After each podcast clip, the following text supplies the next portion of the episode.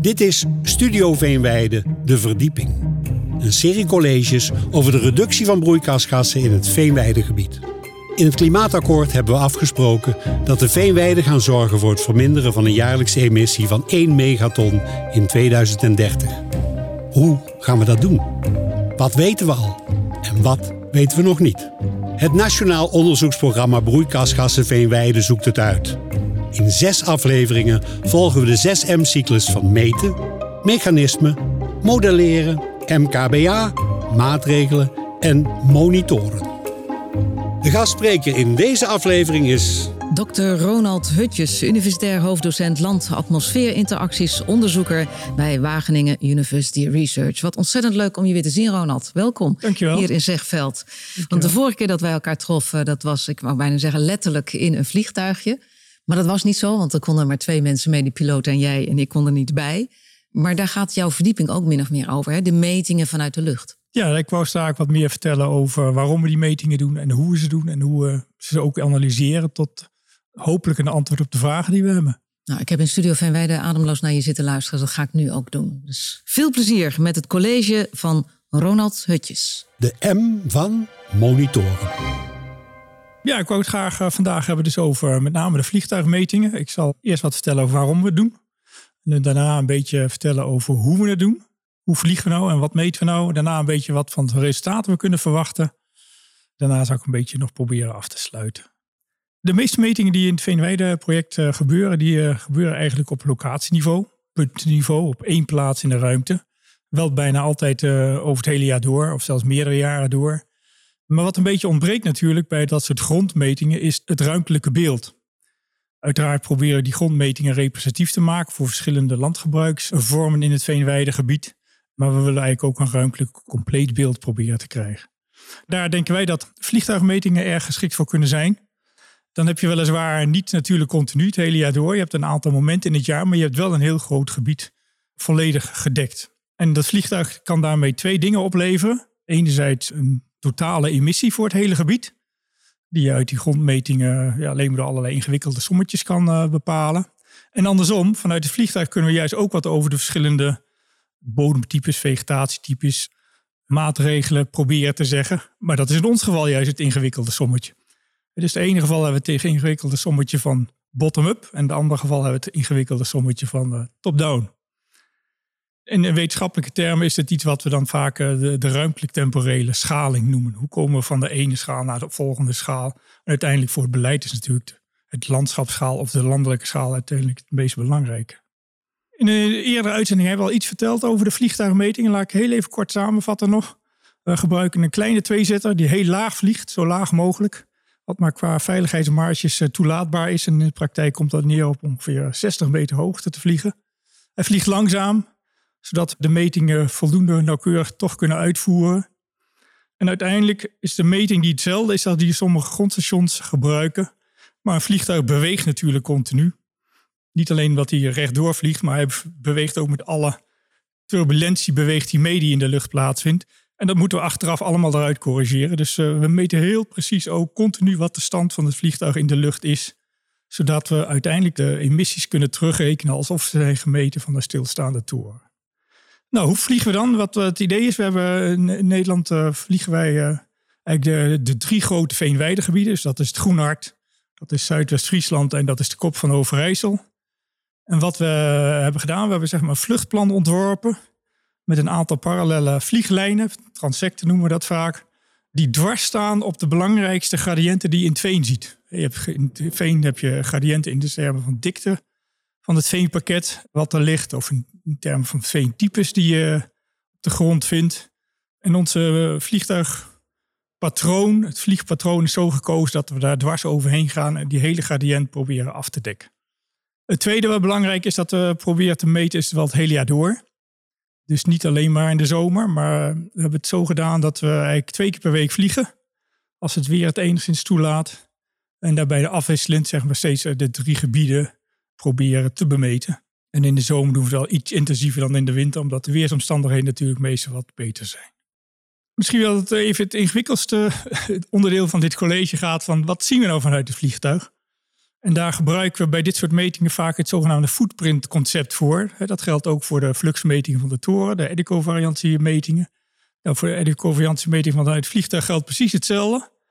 Elke meting die we doen, representeert eigenlijk een stukje gebied, windopwaarts van het vliegtuig, wat tussen de 2 kilometer breed is en tussen de 2 en de 6 kilometer lang is. Dus dat kan zijn tussen de 4 en wel 10 of 12 vierkante kilometer.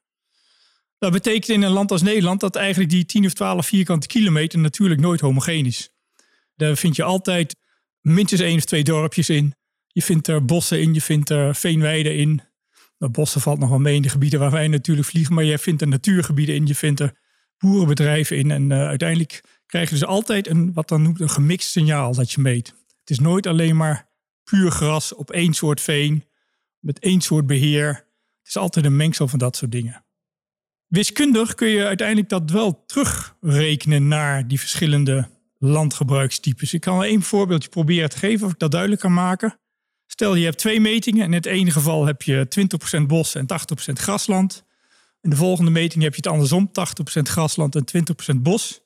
Dan kun je met bepaalde wiskundige technieken, voor degenen die een beetje zicht erop hebben, bijvoorbeeld met de regressietechnieken of wat modernere verwanten daarvan, kun je dan toch terugrekenen wat de contributie van het bos, respectievelijk het gras, is geweest. Omdat die in twee verschillende metingen verschillende relatieve invloed hebben gehad op het eindresultaat.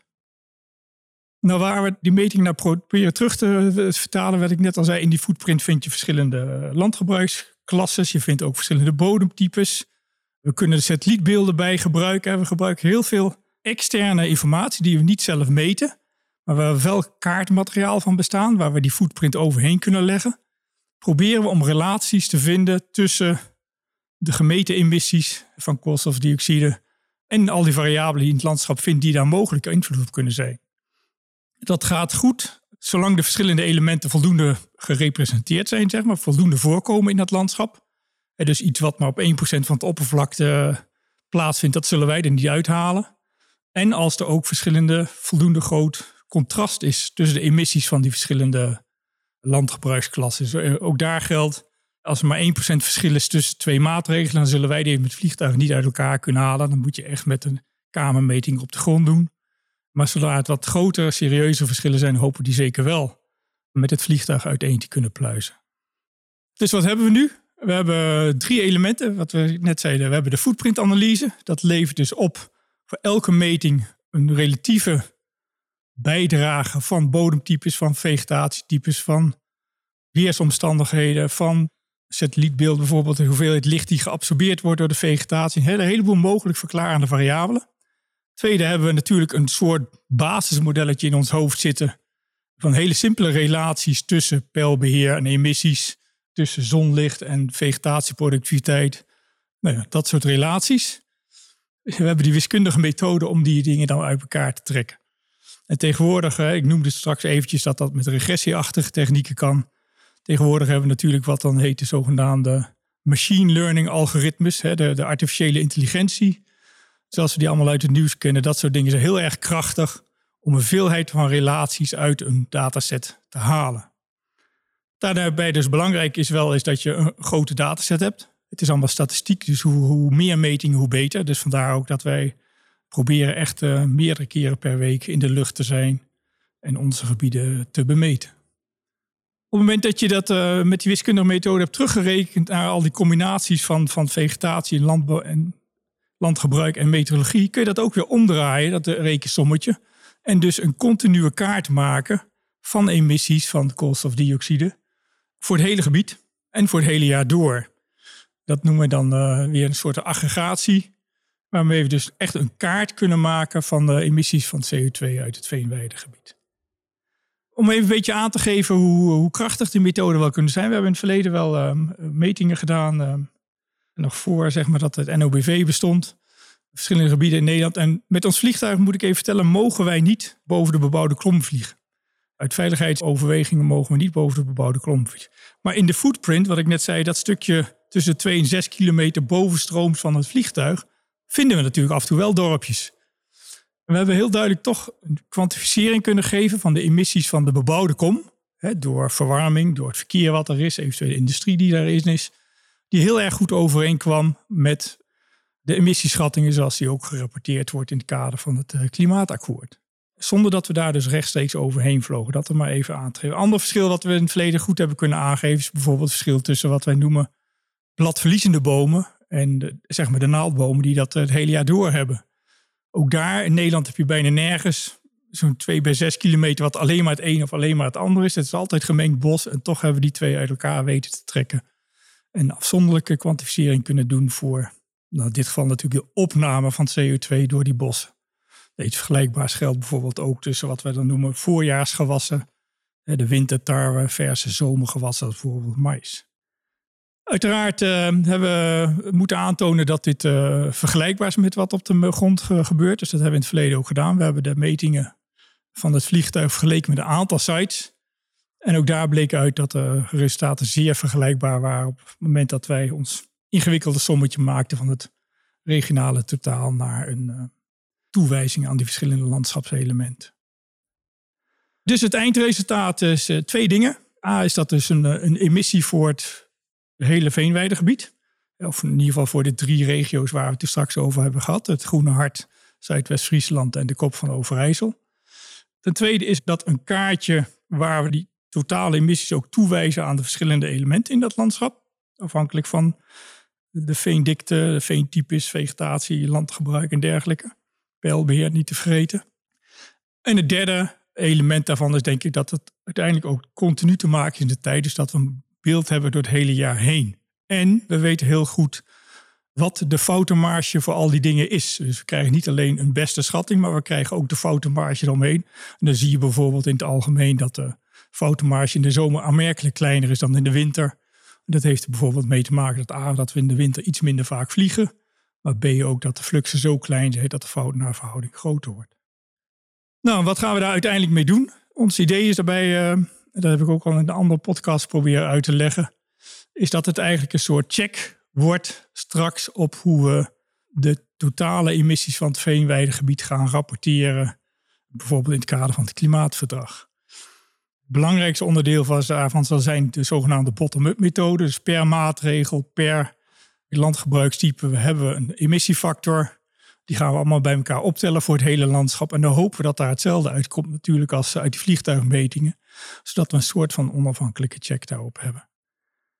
Nou, ik hoop dat het daarmee een beetje duidelijk was wat het belang is van die vliegtuigmetingen en hoe dat in de praktijk gaat werken. Hoe lang moeten jullie blijven vliegen?